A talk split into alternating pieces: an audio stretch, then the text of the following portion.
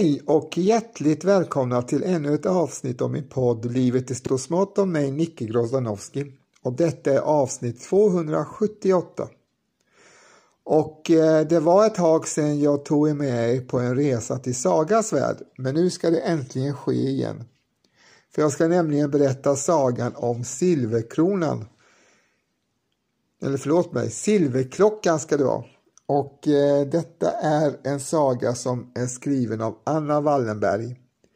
Och eh, innan jag berättar om Silverklockan så ska jag nämligen berätta att också att jag har min kompis Lukas, vår lilla vovve med i detta avsnitt också, som ska lyssna på sagan. Så hör ni något gnyende eller något skällande i bakgrunden så är det bara han och ingen annan. Och han är inte farlig, det kan jag lova er. Så, spä fast i säkerhetsbältena för nu kör vi. Under fem konungar hade landet njutit fredens välsignelser och under den sjätte fredskonungens, den gode och fromme Omarus regering, hade det blomstrat upp till ett sällsynt välstånd. Men just då började det talas om krig. Det fanns nämligen åtskilliga herrar i konungens råd som med krigsministern i spetsen höllo före att riket nu uppnått en sådan stormaktsställning att det kunde göra en del av grannländerna till lydriken. De uppbjöd då all sin skicklighet för att få Enrico, tronföljaren, att dela sin åsikt. De lyckades också mer och mer i sina strävanden och påbördade dessa länder än den ena än den andra kränkningen, som de eh, förmådde fursten att framlägga för sin fader. Konungen såsom anledning till krigsförklaring. Men varje gång Omarus åhörde hans skildringar av de förmenta kränkningarna svarade han oföränderligt Jag förlåter dem och det blev inte något krig utav, ty ett sådant kunde icke föras utan konungens bifall och vilja. Allt eftersom Omarus åldrades intogs hans dock av en allt större visshet om att landet sedan han gått bort kunde råka i olycka genom hans sons förvållande och att Enrico genom sin krigsvilja skulle ådraga sig en sådan svår blodskuld att han äventyrade sin salighet. Och då en sjukdom drabbade den gamle företog denne en pilgrimsfärd till martyrens, den helige Laurentius grav, vid vilken han uppsände brinnande böner om att helgonet ville ändra Enricos sinnesförfattning och hjälpa honom att bli en välgörare för sitt land istället för att stötta det i fördärvet. Under natten uppenbarade sig också helgonet för Omarus och svarade honom Dina böner för Enrico har jag icke makt att uppfylla, men själv skall du bli botad från din sjukdom och så länge du lever skall ditt land undgå krigets blodskuld och olyckor. Morgonen därpå var Omarus frisk och fick i flera år behålla sin hälsa. Men en dag blev han åter sjuk och förmådde inte längre att taga del i regeringsbestyren.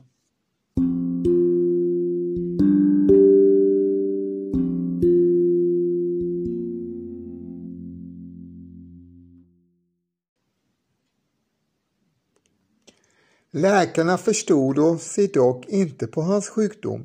Han låg nästan ständigt i ett slags dvala men åt och drack och det gick många månader utan att hans tillstånd varken försämrades eller förbättrades. Krigsministern och rådsherrarna som hoppas på hans snara slut för att få fullfölja sina planer blev otåliga och för att inte förspilla tiden tills handlingens stund var inne vidtog de förberedelser som framkallade stor oro bland det fredsälskande folket. Förstinnan Karina, tronföljarens gemål, vilken hyste en lika stor avsky för kriget som Omarus, hade ävenledes gripits av ängslan. Ty av några ord hon hört fällas mellan Enrico och rådsherrarna hade hon förstått att hemliga överläggningar höllos om allehanda brådskande krigsrustningar. Men då hon bad sin make om närmare eh, förklaring på vad hon hört slog han bort det hela med skämt. Tror du verkligen att kan växa upp krigsherrar här ur marken bara för att man nämner ordet lansar och svärd? frågade han leende. Han kunde dock icke lugna henne fullkomligt och varje morgon gick hon i kyrkan för att be madonnan om liv och hälsa för Marus, ty i hans händer låg ju landets välfärd. En morgon, då hon förrättat sin bön och trädde ut genom kyrkporten, mötte henne anblicken av en stor kvinnoskara som församlats där utanför i väntan på att hon skulle visa sig. Armar sträcktes emot henne och hon anropades av gråtfyllda skälvande stämmor. Ljuva goda förstinna, hjälp oss, förbarma dig över oss, ljöd det från ett håll. Och Karina, vårt hopp, vår tröst, tala för oss så att inte den stora olyckan kom över oss, var en annan röst. Och runt om henne svävade viskningar. Vi har hört silverklockan ringa, vi har hört silverklockan ringa. Den unga förstinnas ansikte blev vitt. Hon förstod vad dessa viskningar betydde. Silverklockan var en halvt förgäten kyrkklocka som under mer än hundra år suttit tyst och stilla i sitt torn. I gamla tider hade man ringt i den då riket var i fara. Men under den långa freden var den aldrig i bruk och var helt tyst. Stegarna upp till den vore som mörkna att ingen ringare skulle ha vågat sig bestiga den för att sätta den igång och ringarepet sades vara gnagt av råttor. Dock gick den sägen att den skulle ringa av sig själv om riket återkom i stor fara. Säkert har ni hört vilse, sade hon med en rysning av ångest. Jag har inte hört den. Men jag har hört den, ropade en röst ur skaran. Och jag, och jag, och jag, ropade flera röster, och jag med. Och en ung flicka som stod närmast Karina sade helt sakta. Nådiga fru, silverklockans ton är så svag. Endast den som har ett lyssnande hjärta, ett hjärta som darrar för det käraste det har, kan höra den. Nu trädde en gammal kvinna fram i hopen. Vår goda ängel, vår kära fru, sade hon. Du vet nog att trupperna övas. Jag har en son bland dem. Men i grannlandet har också jag en son som bosatt sig där. De håller varandra mycket kära, men nu måste de gå ut och slå ihjäl varandra. Och säg mig varför? En annan kvinna lyfte sina glödande ögon mot förstinnan. Med ena handen hänger man mördare, med den andra driver man goda män att bli mördare, sade hon. Och förstinna, hjälp våra män, så att inte blodskulden kom över dem. Karina kände ett sting i sitt bröst. Även hon hade ju en man. Även hon bävade för blodskulden. I nästa ögonblick smålog hon dock emot kvinnorna och sökte lugna dem. De skulle inte tro på någon fara. Då hon själv varit orolig hade hennes gemål skämtat med hennes oro och nu skulle de alla vara vid gott mod. Något så fasansfullt som krig kunde säkerligen inte drabba dem. Hemkommen sökte hon upp sin gemål och föll honom om halsen. Enrico, sade hon, mitt hjärta darrar för dig. Säg mig att du inte är i färd med att dra över dig en blodskuld. Säg mig att du inte är med om att rusta till krig. Han smekte milt hennes hår, ty han hade henne mycket kär. Men på samma gång bad han henne allvarligt att inte blanda sig i rikets eh, angelägenheter. De skötte sig nog till landets bästa henne förutan. Hon gick ifrån honom med böjt huvud och sorg i sitt sinne och så hårt trycktes hon av ängslan för den blodskuld hennes gemål kunde draga över sig, att hennes fötter icke ville bära henne. I nästa gemak måste hon stanna för att stödja sig emot dörrposten och luta pannan mot väggen. Och medan hon stod där hörde hon det som endast den eh, hörde, vilket hade ett lyssnande hjärta, ett hjärta som darrade för det käraste det ägde. Hon hörde silverklockan ljuda.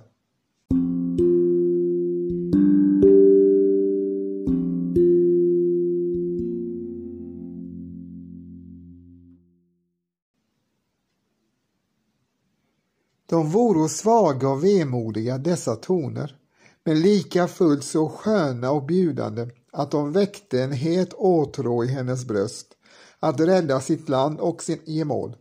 Allt vill hon offra för det målet. Hon föll på knä och bad om kraft att nå det och ur djupet av sin själ hörde hon en röst som viskade Vaka över konungen! Han är skyddet! Han är hjälpen! Hon reste sig styrkt och säker på vad hon hade sett och hört. Och utan dröjsmål gick hon till sitt värv. Bredvid den sjuke konungens gemak lät hon inreda sig i en sovkammare. Och där vistades hon nästan ständigt då hon inte satt vid Omarus säng. Och aldrig lät hon någon biträda sig med att ge honom föda eller vaka över honom mer än hans biktfader Anselmo som under flera årtionden varit honom en öm och trofast vän. Han var den enda i hennes omgivning som hon litade på sedan hon fått vetskap om att de förberedelserna som gjordes för att kasta in landet i krig.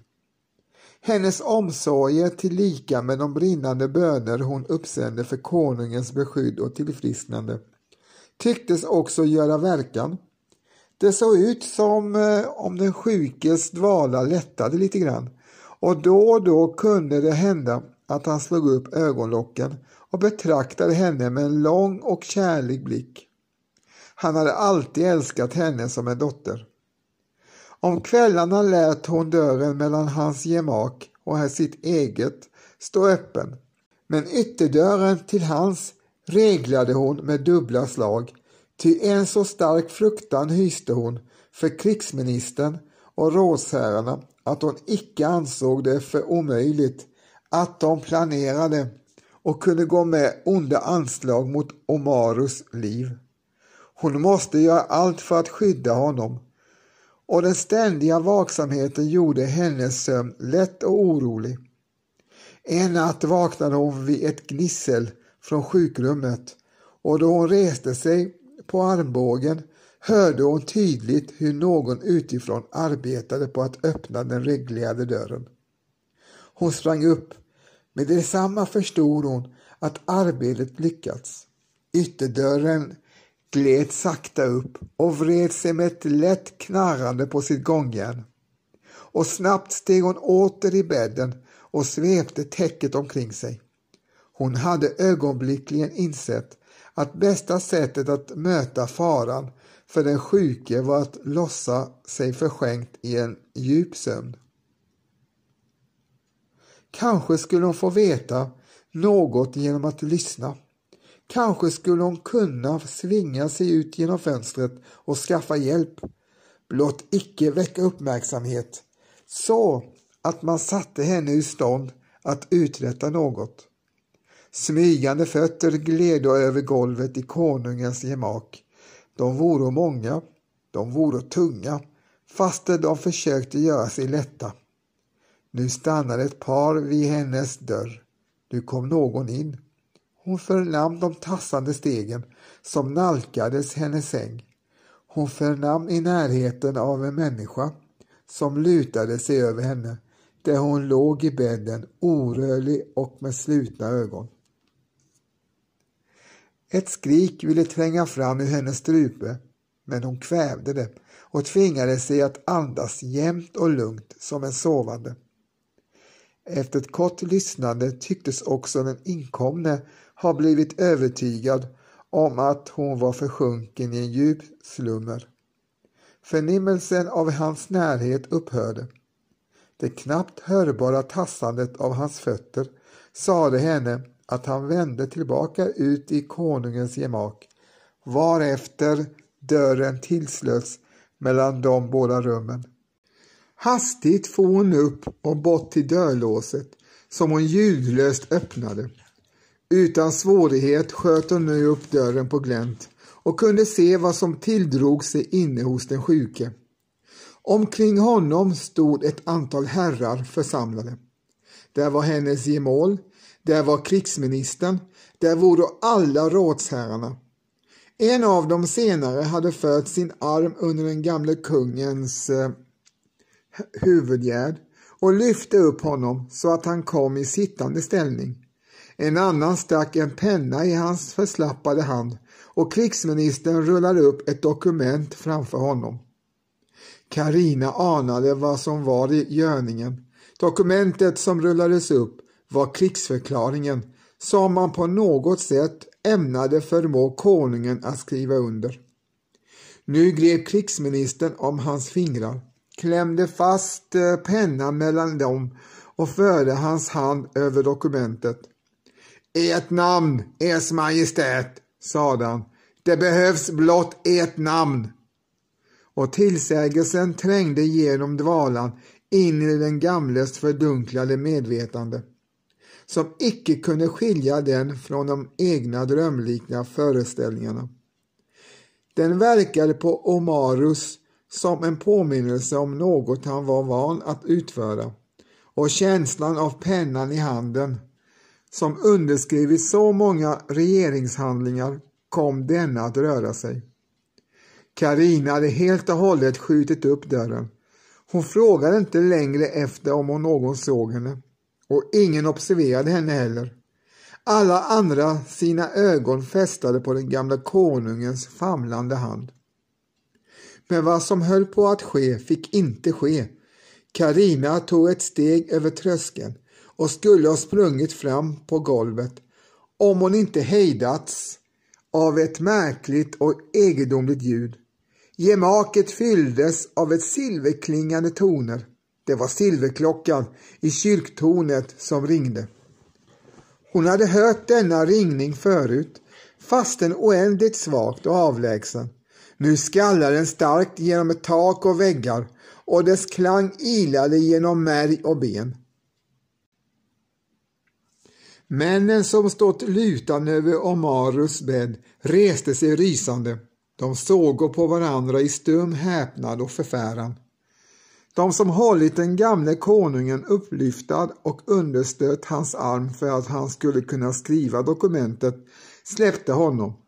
Krigsministern tog sina fingrar från hans hand så att pennan föll ner på golvet och dokumentet rullade ihop sig och följde efter.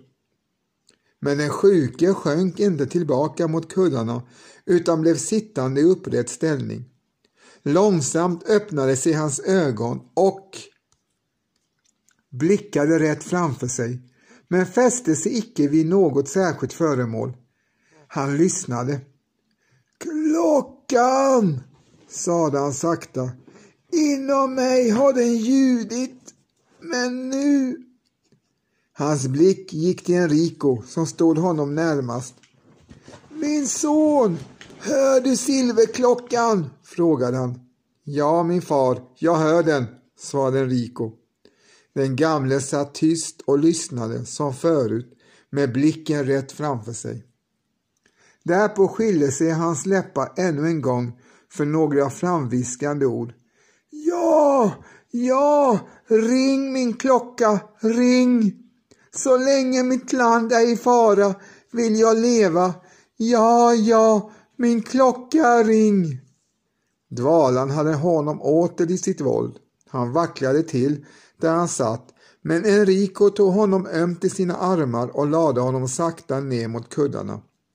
Sedan kastade han sig på knä vid sängen och lutade pannan mot den gamle konungens axel. Faderns ord hade tillsammans med silverklockans manande toner trängt djupt in i hans själ och överröste de ärelystna beräkningarna som under den sista tiden helt hade fyllt den. Han märkte inte som de andra närvarande att Karina gick fram över golvet och knäböjde vid hans sida. Han märkte inte hur hon knäppte ihop händerna och lyfte sina glädjestrålande ögon mot madonnabilden i väggens eh, nisch och lovade och tackade Guds heliga moder för den hjälp hon givit. Först då han reste sig upp varse blev han henne och hon vände sitt strålande ansikte mot honom, tog hans hand och tryckte den till sitt bröst. Enrico, sade hon, nu darrar inte längre mitt hjärta för dig. Ett svagt leende drog över hans bleka läppar, som rörelsen förstummade. Men istället för att tala reste han sig upp, drog sin make in till sig och lade sin arm om hennes skuldror och sålunda stödde emot varandra gingo de långsamt över golvet mot dörren till Karinas gemak, allt under det att silverklockans toner mattades och tystnade, liksom ansåg de sig ha fullgjort sin tjänst. På några stegs avstånd följdes de av de höga herrarna, men då de närmade sig tröskeln steg krigsminister fram till Enricos sida.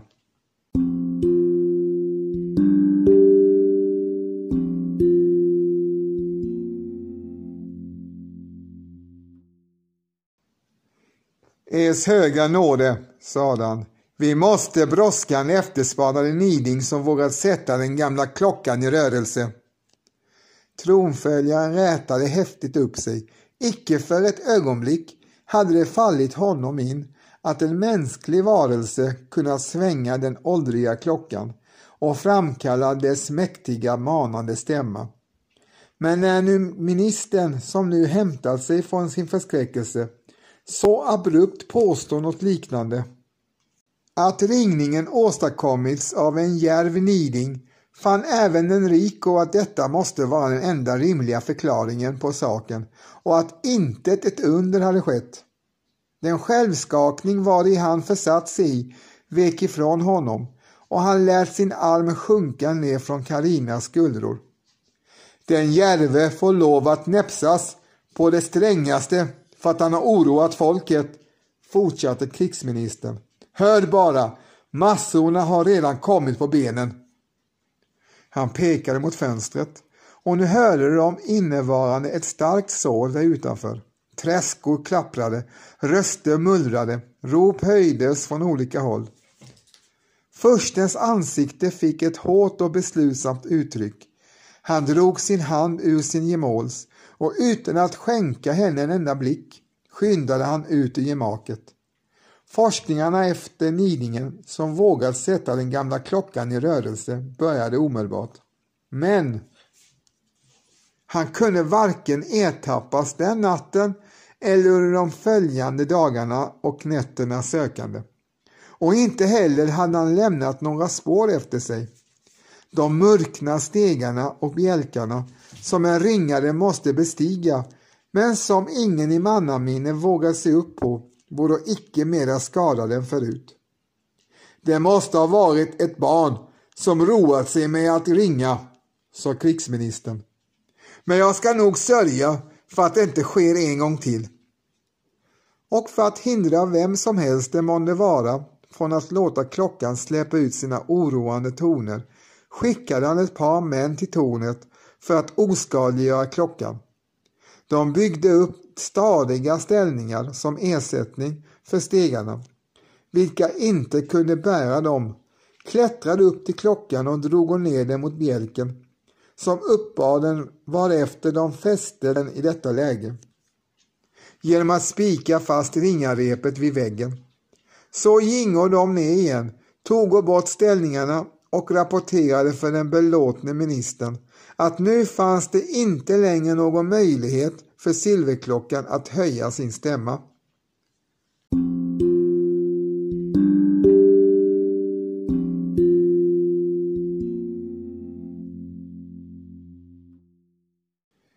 Alla betraktade henne sorgset och Enrico förde henne sakta undan för att själv lyssna efter de omtvistade hjärtslagen. Då han efter en stund lyfte upp sitt huvud från konungens bröst var emellertid hans ansikte djupt bedrövad. Han hade ingenting hört, varför han också måste tro att Omarus nu var död. Och fast han icke velat gå samma vägar som fadern hade han dock innerligt älskat och vördnat honom. Även de biträdande läkarna lyssnade och även de förkunnade att de icke hört Omarus hjärta slå. Det var endast den unga förstinnan som förnummit hjärtslagen och på hennes utsago förlitade sig ingen på. Hon var ju upprörd i sitt tillstånd och innersta och förvillad av sin sorg. Och så kläddes den gamle kungen i sin kungliga skrud och lades i sin kista.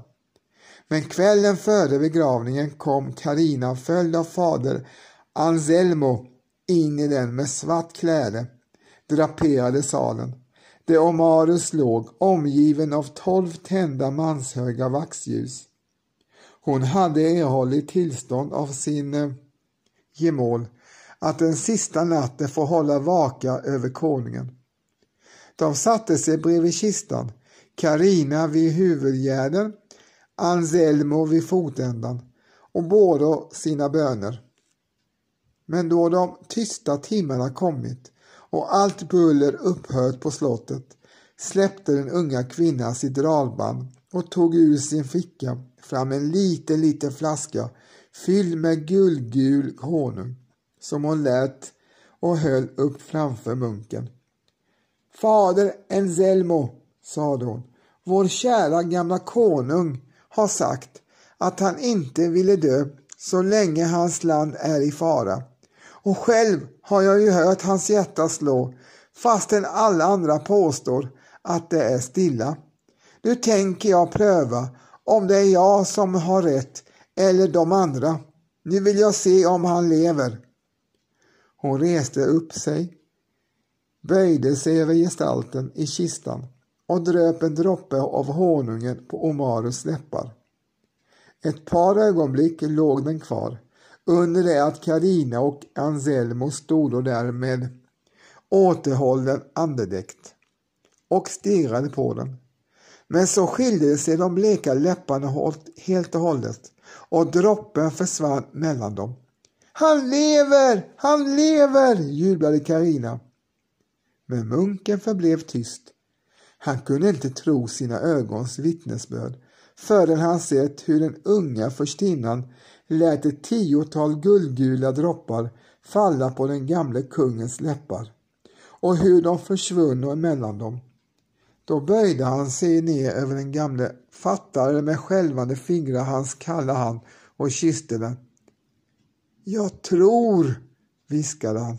Jag tror. Karina satte ifrån sig flaskan och skyndade mot dörren. I sin stora glädje ville hon väcka upp alla slottets invånare för att de skulle bevittna undret. Men efter några steg stannade hon och gick därpå långsamt tillbaka.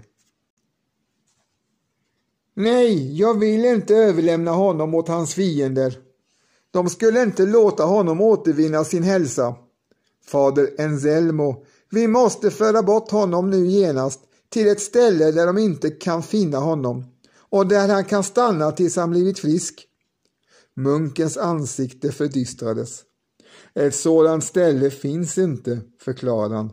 Och om det funnes, hur kan vi hitta dit i denna korta natt? Och var finna trogna medhjälpare? Han hade rätt. Det tycktes inte finnas någon utväg. Karina grubblade förgäves. Höga furstinna, återtog munken. Det synes mig som om intet annat vore att göra än att låta det ske som förberett är till morgondagen.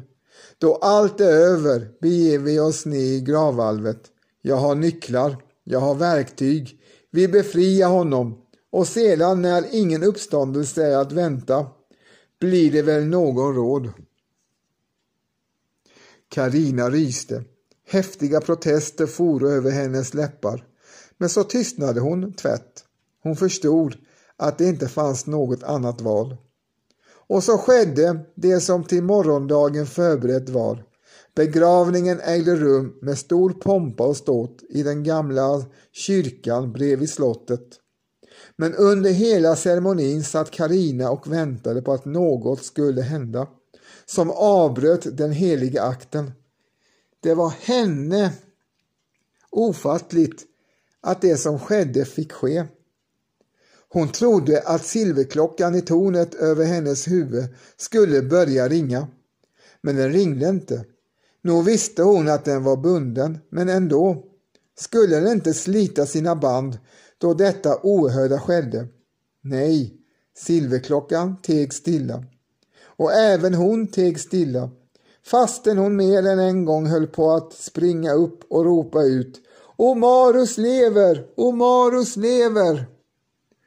Till sist kom dock slutet på denna förfärliga dag och de båda vilka den föregående natten hållit vaka tillsammans träffades också den som nu begynte. Karina som efter begravningen hade slutit sig inne i sina rum smög sig vid mörkrets inbrott ner till kyrkporten vilket sakta öppnades för henne av den innanför väntade Anselmo. Varefter de tillsammans begåvo sig ner i kryptan där den gamle konungen vilade. Hans befrielse gick lätt och sedan kistan återställts i sitt förra skick buade de honom genom kyrkan till en underjordisk gång som ledde till Anselmos kloster. Ingen mötte dem, varken där inne eller uppe i klostergångarna och osedda kommer de fram till det av Anselmo bestämda målet för vandringen, hans egen bostad, som bestod av tvenne celler. I den inre, hans sovrum, kom aldrig någon annan in än han själv. Och där lade de ner konungen på munkens tarvliga bädd. Den lilla honungsflaskan togs fram.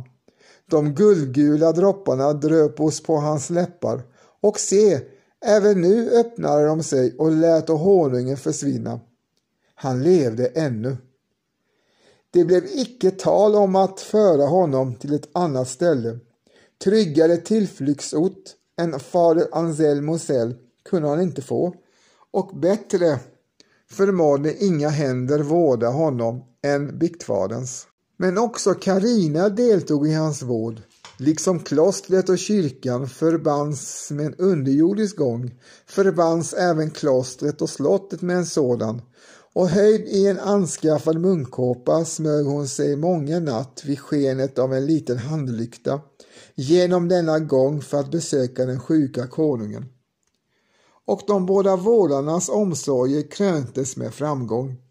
Omarus mottog snart rikligare föda än honungsdropparna Hans hy blev mindre blek, hans lemmar mindre styva och en dag öppnade han ögonen och smålog igenkännande mot Carino och Anselmo. Men hans medvetande fördunklades omedelbart och fastän de igenkännande småleendet då och då upprepades var det alltid lika flyktigt. Veckor och månader gingo utan att han uppvaknade till ett verkligt liv. Dvalan höll honom fast han tycktes varken kunna leva eller dö.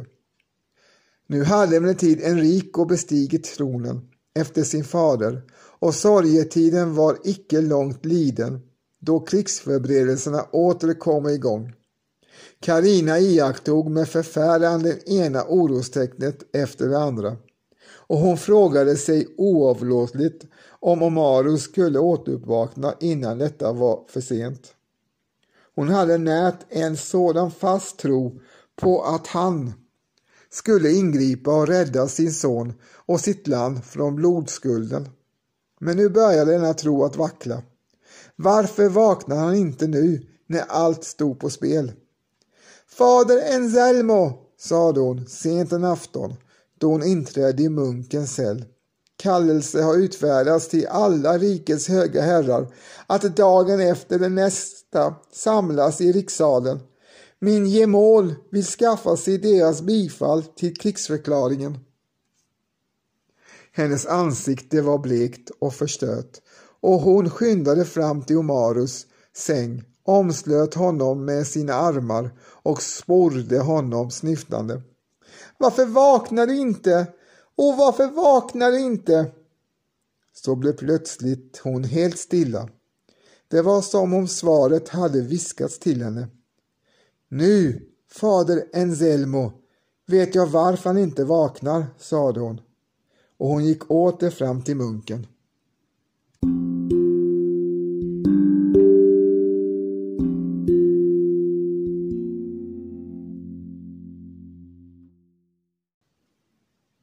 Och hon gick åter fram till munken.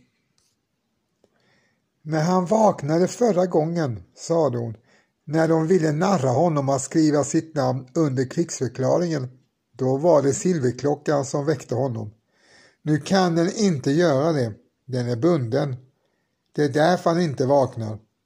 Ja, ja, ja, svarade Anselmo och böjde sorgset på huvudet. Men Karina lät honom inte längre fördjupa sig i ofruktbar grubbel. Den måste lösas, fader Anzelo. Silverklockan lösas? Han såg undrande på henne och han frågade om hon verkligen trodde att de i hemlighet kunde låta bygga upp ställningarna i tornet och skaffa folk som utan den unge kungens tillåtelse vågade frigöra klockan. Nej, sade hon, det trodde hon inte. På ett annat sätt skulle det nog gå till att lösa den. Och kring hennes läppar började ett litet leende smyga som hon redan hade en liten färdig plan färdig men ville att munken skulle gissa sig till den utan hjälp. Nådiga fru Stina, ni vet ju att den urgamla stegarna är så mörkna att de knappast skulle kunna bära ett barn, påminner Anselmo. Och om också ett barn skulle lyckas komma upp på översta stegen skulle de inte kunna nå det bindande repet. Det smygande lilla leendet hade nu brett ut sig över hela ansiktet. Det lyste som av ett inre ljus på Karina. Jag vet en som skulle kunna göra det, sade hon. Anselmo greps av en aning. Han dröjde, visste inte om han skulle våga spöja, men gjorde det till slut. Vem då? Jag. Ja, men det är omöjligt. Det menar ni inte, Förstina. Jo, jag menar det. Jag är inte mycket tyngre än ett barn med mina armar räcka ett gott stycke längre än ett barns. Han betraktade den späda gestalten. Det förhöll sig nog som hon sagt. Den kunde inte vara mycket tyngre än ett barns. Men att tänka på att utföra en sådan sak, det var i alla fall ett helt vansinne. Aldrig, fru Stina, låter jag er göra det. Det vore att förgäves spilla ett liv. Han höll sitt huvud högt hade blivit vördnadsbjudande och eh, strängt allvarlig. Hon måste begripa att han orubbligt skulle stå vid sitt ord. Men Karina lät sig inte avskräcka sig. Inte förgäves, sade hon. Min gemål har inte något hårt hjärta. Då hans far vaknade upp ur sin dvala öppnade det sig för honom och kanske skulle jag som död kunna tala till honom mera bevekande än som levande. Munken fick inte fram något svar. Han stod blott och såg på henne. Hjälp mig, fader Anselmo, utbrast hon. Jag måste rädda min gemål och mitt folk från blodskulden. Han höll inte längre sitt huvud högt. Hans blick vek ifrån henne och inte heller nu svarade han med ett enda ord. Men då hon bad honom att följande natt skaffa fram henne en vass kniv och föra henne upp i silverklockans torn nickade han tungt. Då dygnet gått om stod de också där uppe och fullt av dov ångest höjde Anselmo sin handlykta för att granska stegarna, fast han visste att denna undersökning inte kunde lugna honom. Så gav han Karina den vassa kniven som hon stack in vid sin barm och sedan hon låtit munkåpan falla ifrån sina axlar och hakat fast sin egen lilla lykta vid sitt bröst börjar hon den uppstigningen under det att Anselmo med sin större lykta belyste varje steg över hennes huvud. Det knakade i det mörkna virket, ibland sakta, ibland hotande starkt och ibland kände hon träet under sig genom vika. så att hon på armarna måste höja sig till nästa fotfäste. Men vad hon sökte undvika inträffade snart nog. Ett steg till vilket hon just flyttat sin fot brast. Hon vacklade häftigt åt sidan och gled nedåt, fick emellertid i sista ögonblicket tag i en återstod av det brustna steget och var för denna gång frälsad. Krampaktigt klängde han sig fast vid stegremarna. Lyckades hon så småningom få sin fot att byta plats med sin hand på återstående av det bortfallna steget och klättrade sedan vidare. Men ljuset i lyktan hade slocknat vid de våldsamma rörelser hon gjort och svårigheterna vid uppstigningen blev ännu större än förut. Äntligen hade hon den första stegen nedanför sig och hon trevade sig nu försiktigt över till det nästa steget som ingalunda bjöd på mindre faror. En gungade den förrädiskt, en var hälften av ett steg bortfallet och den andra hälften smulnade sig under hennes fot. Men när farorna vore som mest överhängande tycktes det henne som om hon stöddes av osynliga händer. Hennes kropp kändes lättare och hon hittade snabbt till de säkra fästen hon behövde. Så var också slutet på den andra stegen uppnått och hon kröp över till den tredje och sista. På denna höjd blev det ledsagande ljuset från Anselmos handlykta betydligt svagare. Hon urskilde knappast steget över sitt huvud och då träet ville brista inunder henne var hon ovissare än hittills om vad hon skulle gripa tag i för att klänga sig fast. Långsammare och långsammare flyttade hon sig uppåt men fick till sist föreställningen att det översta steget inte kunde vara långt borta. Då blev det med ens mörkt omkring henne. Ett par utskjutande bjälkar skymde alldeles under skenet från Anselmos lykta.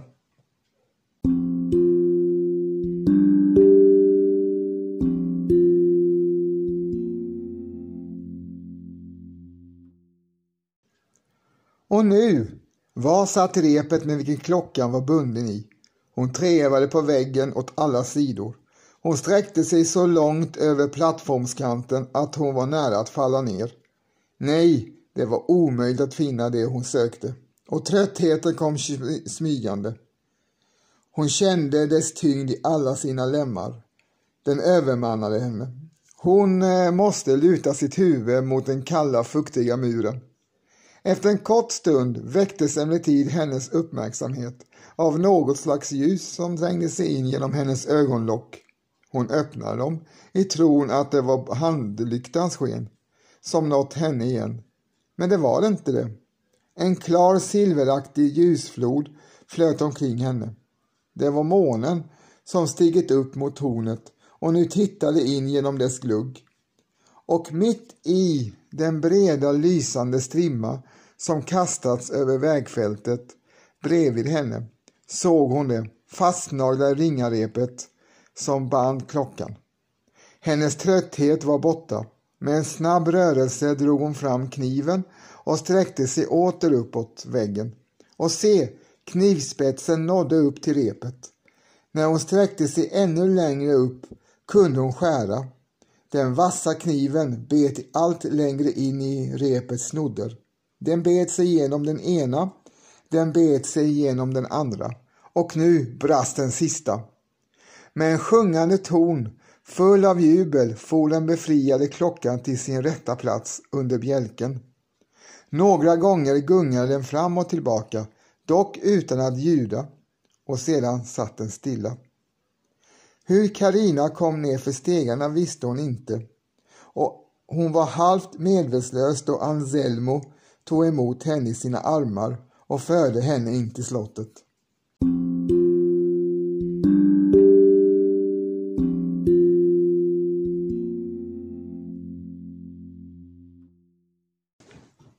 På bestämd tid församlades följande dag de höga herrarna i rikssalen och på estraden i dess övre ända satte sig ministrarna och rådsherrarna på sina platser kring de båda för de kungliga avsedda gyllene stolarna. Enrico inträdde likväl ensam och tog plats i den ena av dessa stolar. Ty det var inte brukligt att hans gemål bevistade sådana här allvarliga överläggningar som den nu förestående. Just som han reste sig och började tala till församlingen skötos emellertid dörrdraperierna bakom honom åt sidan. Karina visade sig och gick framåt estraden. Han rynkade ögonbrynen då han upptäckte henne, men så mild och bönfallande var den blick hon fäste på honom att han inte hindrade henne från att närma sig. Och hon satte sig på den gyllene stolen bredvid hans, lyfte sitt vita ansikte mot honom och lyssnade i yttersta spänning till de ord som efter avbrottet hon orsakat nu ginge över hans läppar. Han uppräknade för herrarna nere i salen alla de rättskränkningar han förmedlade, att riket varit utsatt för från ett av grannländerna. Han frågade dem om de ansåg att dessa kränkningar borde tålas. Han frågade dem vad de funno att rikets ära fordrade. Han frågade dem om inte riket både hade rättighet och skyldighet att begära upprättelse. Men Karina satt darrande av ångest och frågade sig själv varför ringer inte silverklockan? Blev den skadad då den fängslades och klämdes mot bjälken? Har den förlorat sin röst? Nu reste sig en av de höga herrarna nere i salen och svarade. Han menade att kränkningarna inte kunde tålas. Så reste sig ännu en och åter ännu en och sade detsamma. Och när största delen av närvarande upprepat oss det sagda och ingen sagt emot tog Enrico på nytt till orda. Alltså, ärade herrar, håller jag före, sade han, att det är eder och rikets vilja att... Han tystnade, ty klara silverklingande toner trängde plötsligt in i salen.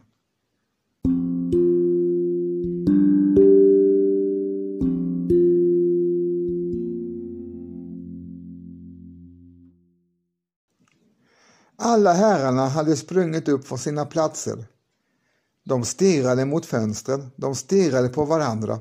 Somliga av dem hade hört denna klockklang förut. Den hade väckt dem den natten för några månader sedan, då den väckt och oroat en sådan stor del av stadens befolkning.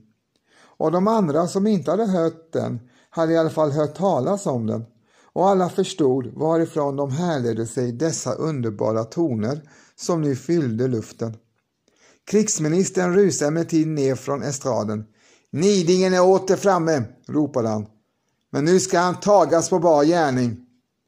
Och han var så rädd för att brottslingen skulle komma undan att han inte ville förlora en enda minut utan själv skyndade ut i sadeln och slottet och till det bredvidliggande klostret för att eh, söka upp fadern Enzelmo som hade nycklarna till tornet. Han träffade honom också i hans cell och sedan munken försatt sig och ministern med var sin handlykta gingo de tillsammans att undersöka hur saken förhöll sig. Då krigsministern stod bredvid stegarna och skådade upp i det gamla tornet kunde han först endast dunkelt skönja den ringande klockan. Ty torngluggen släppte blott in ett sparsamt ljus och handlyktorna gjorde inte stor nytta. Sedan hans ögon vänt sig vid mörkret såg han likväl klarare. Han såg den avskurna repslingan som satt fastnaglad vid muren. Han såg dess andra del som hängde lös ut med klockan. Men någon ringare såg han inte. Klockan svängde på sin bjälke utan någons hjälp Om ens tyckte han att den bytte om ljud.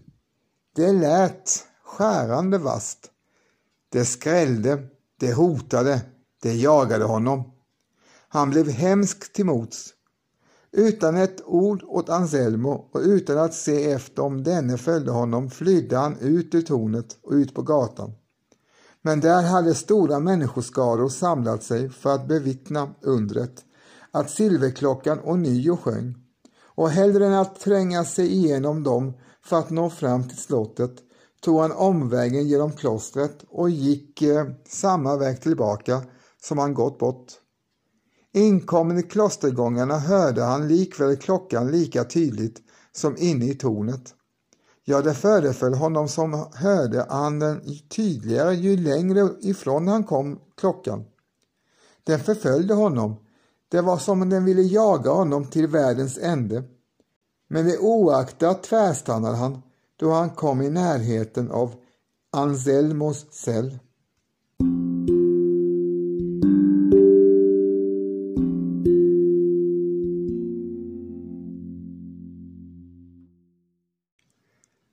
Dess dörr hade öppnats och på tröskeln visade sig en hög välkänd gestalt. Det var hans gamla konung. Det var Marus i sin svarta sammetsskrud så som man lagt honom i kistan. Och där stod han nu och nickade åt honom. Ministern greps av en förlamande skräck. Men då konungen steg över tröskeln och kom emot honom återfick han så mycket av sin rörelseförmåga att han kunde draga sig baklänges. Vända sig om förmådde han inte, ty det var honom omöjligt att taga sina ögon från konungaskepnaden. Så kom han allt närmare väggen, kände den till sist i sin rygg och drog sig ut med den, allt under det att skepnaden förföljde efter honom. Plötsligt tog dock väggen slut. Hans snavare var nära att stötta omkull och trodde sig räddningslös förfallen åt de övernaturliga makterna. Då han i detsamma märkte att han befann sig i den underjordiska gången som ledde från klostret till slottet. Nu fick han kraft att rycka sig lös från sina ögon, från skepnaden, vände sig om och skyndade sig hals över huvud inåt gången. Ett par sekunder senare drevs han dock av ett oemotståndligt begär att se sig om och vid den syn han nu skådade genomfors han från huvud till fot av en stigande rysning som höll på att återigen förlama honom. Där såg han den majestätiska gestalten i den svarta sammetsgruden alltjämt skrida i hans fotspår. Men omkring den lyste ett matt ljussken som om någon gått ett steg bakom och belyst lergolvet för dess fötter och ännu en gestalt framskymtade ur dunklet. Var det munken eller kanske en ny vålnad? Den hjärtskärande ministern gav sig inte tid till eh, vidare iakttagelser. Nu flydde han genom hela gången utan att kasta flera blickar bakom sig, rusade upp för slottstrapporna och in i rikssalen i vilket de församlade herrarna stod som förhäxade av silverklockans sång och väntade på hans återkomst. Hans krafter vore uttömda och han kastade sig flämtande ner på en stol vid dörren. Man omringade honom, förskräcktes över hans förstörda utseende och frågade vad som hade hänt. Men han förmådde inte svara. Orden blev åt ett väsande som ingen förstod. Men ens lyfte han emellertid upp huvudet och lyssnade med ögonen riktade mot dörren och stigande fasa i sitt likbleka ansikte. Och nu skrek han så att det hördes över hela salen. Han kommer! Han kommer! Dörren öppnades och in steg Omarus, följd av fader Enzelmo. De höga herrarna vek åt sidan och fasan avtecknades i deras drag, liksom i krigsministerns. Även Rico som sprungit upp från sin stol vek tillbaka och det var endast Karina som icke drog sig undan vid åsynen av uppenbarelsen. Hon hade blott rest sig upp blickade med ögonen fulla av fröjd på den gamle kungen och sträckte välkomnande sina armar emot honom. Långsamt och majestätiskt gled han fram genom salen, steg upp för de två trappstegen till estraden och tog plats i den gyllene stolen som Enrico nyss hade lämnat. Men Karina satte sig vid hans fötter, tryckte sig in i hans vida mantel och såg upp till honom med hänrykning i sitt ansikte. Min kära son och ni, mina ärade herrar, sade Amadus och lät sin goda och ljusa blick sväva till Enrico och från honom till eh, församlingen. Ni tror alla att jag är död och att det är min vålnad ni ser framför er. Men min älskade sonhustru Han lade handen på Karinas huvud. Och min vän, fader Anselmo, han visade med sin andra hand på munken, kan säga er att jag lever. Och Anselmo, som stannat nedanför estraden, trädde nu fram. Med några få ord berättade han om hur Karina hört Omarus hjärta slå, då ingen annan kunde höra det. Han eh, berättade om hur hon och han själv befriat konungen ur kistan och vårdat honom så att han delvis återkommit till livet. Men att icke de haft kraft att skingra dvalan som höll honom fången. Och han berättade till sist om hur den unga förstinnan löst silverklockans band i hopp om att den skulle komma att väcka honom. De höga herrarna betraktade Enzelmo med häpnad och tvekan. De visste inte om de vågade tro honom eller ej. Men skräcken gick från dem och Enrico steg fram till sin fader, kastade sig ner framför honom och omfamnade hans knän. Min kära älskade son, sa Romarus, jag är så trött, men så länge mitt land är i fara måste jag leva. Kan du inte ge mig frid? Enrico kysste hans händer. Jo, min far, din vilja skall bli min. Då tog den gamle konungen Karinas hand och lade den i hans gemåls. Och hon ska hjälpa dig att stå emot de onda viljorna, sade han. Därpå höjde han sitt huvud och lyssnade och en viskning kom från hans läppar. Den ljuvliga välsignade klockan, den sjunger in i min ro. Under de sista orden slöt sig hans ögon. Hans huvud sänkte sig mot bröstet och han sjönk sakta ihop i sin gyllene stol. Hans ande hade flytt. Han hade fått den frid om vilken han hade bett om.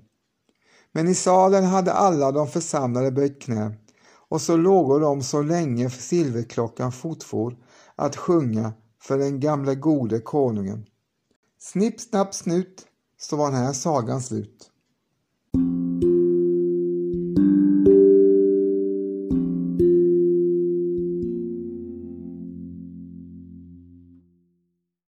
Ja, då har ni alltså fått höra den spännande sagan om Silverklockan som Anna Wallenberg alltså nedtecknat och det här är ju en klassisk saga där det onda till slut besegras av det goda efter mycket kamp och mycket uppoffringar. Och eh, ja, jag har inte hört den här sagan innan. Jag har läst upp den för er så detta var helt nytt och jag tyckte den var väldigt bra och spännande och jag hoppas att ni tyckte detsamma som mig. Eh, I avsnittets början fick ni höra Carl Michael Bellman och hans Fjäril vingar syns på Haga, även kallad för Fredmans sång nummer 64. Och som avslutning får ni höra Par Deus med gruppen Gotthard. Min podd utkommer i regel en gång i veckan, men som ni vet så har det min livssituation förändrats så att podden kommer nu ut mer oregelbundet. Men den är absolut inte på något sätt nedlagd utan jag kommer att försöka ge ut en nytt avsnitt så mycket jag kan och så ofta jag har möjlighet. För jag tycker detta är så fantastiskt roligt att eh, delge detta till er lyssnare. Och eh, vill ni stödja podden ekonomiskt så går det bra att swisha ett valfritt bidrag till 07 358 61 43. Men detta är naturligtvis helt frivilligt. Jag är glad bara ni lyssnar på min podd och jag uppskattar det väldigt mycket. Så fortsätt gärna med det. Men som sagt var, vill ni ge ett bidrag så tar jag tacksamt emot det. Tack så mycket på förhand. Också vill jag tacka er som har lyssnat på avsnittet alltså ännu en gång och eh, vill även tacka min kompis Lukas som har följt mig och eh, lyssnat på den här spännande sagan jag hoppas att han inte har stört i allt för mycket. Och skulle han ha gjort det så hoppas jag att ni har överseende med det. Så än en gång, tack för att ni lyssnade. På återhörande. Ha det gott. Hej då!